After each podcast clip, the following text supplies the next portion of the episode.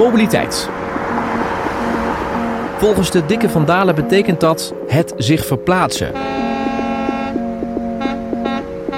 We verplaatsen ons elke dag, Dames en heren, steeds verder. Files op de A2 Eindhoven. En met hulp van steeds nieuwere technieken.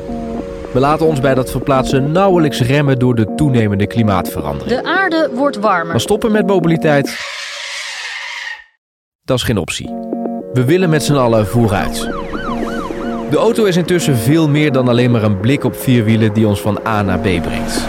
Het heeft zich ontwikkeld tot een dataproducerend embedded softwareplatform.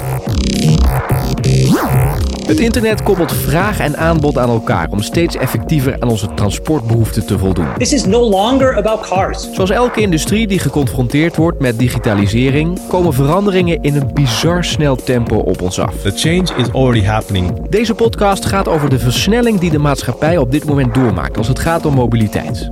Niet over constante verandering, maar over de explosie van technologie die het leven van jou en mij de komende 10 jaar volledig op zijn kop gaat zetten. the big disruption that's coming. Ik ben Tom Jessen en tijdens een van mijn shows als dagvoorzitter ontmoette ik Carlo van der Wij. Ik ben eh, Carlo van der Weijer. Ik weet nog heel goed waar het was. In een studio ergens op het Mediapark in Hilversum. Ik moet het hierbij laten volgens mij. Carlo is een vrolijke man met heel veel humor, maar ook onbeschrijfelijk veel kennis over mobiliteit. and probably one of the leading experts in mobility in the world. Carlo, thanks for joining us. My pleasure. Ik heb zoveel vragen.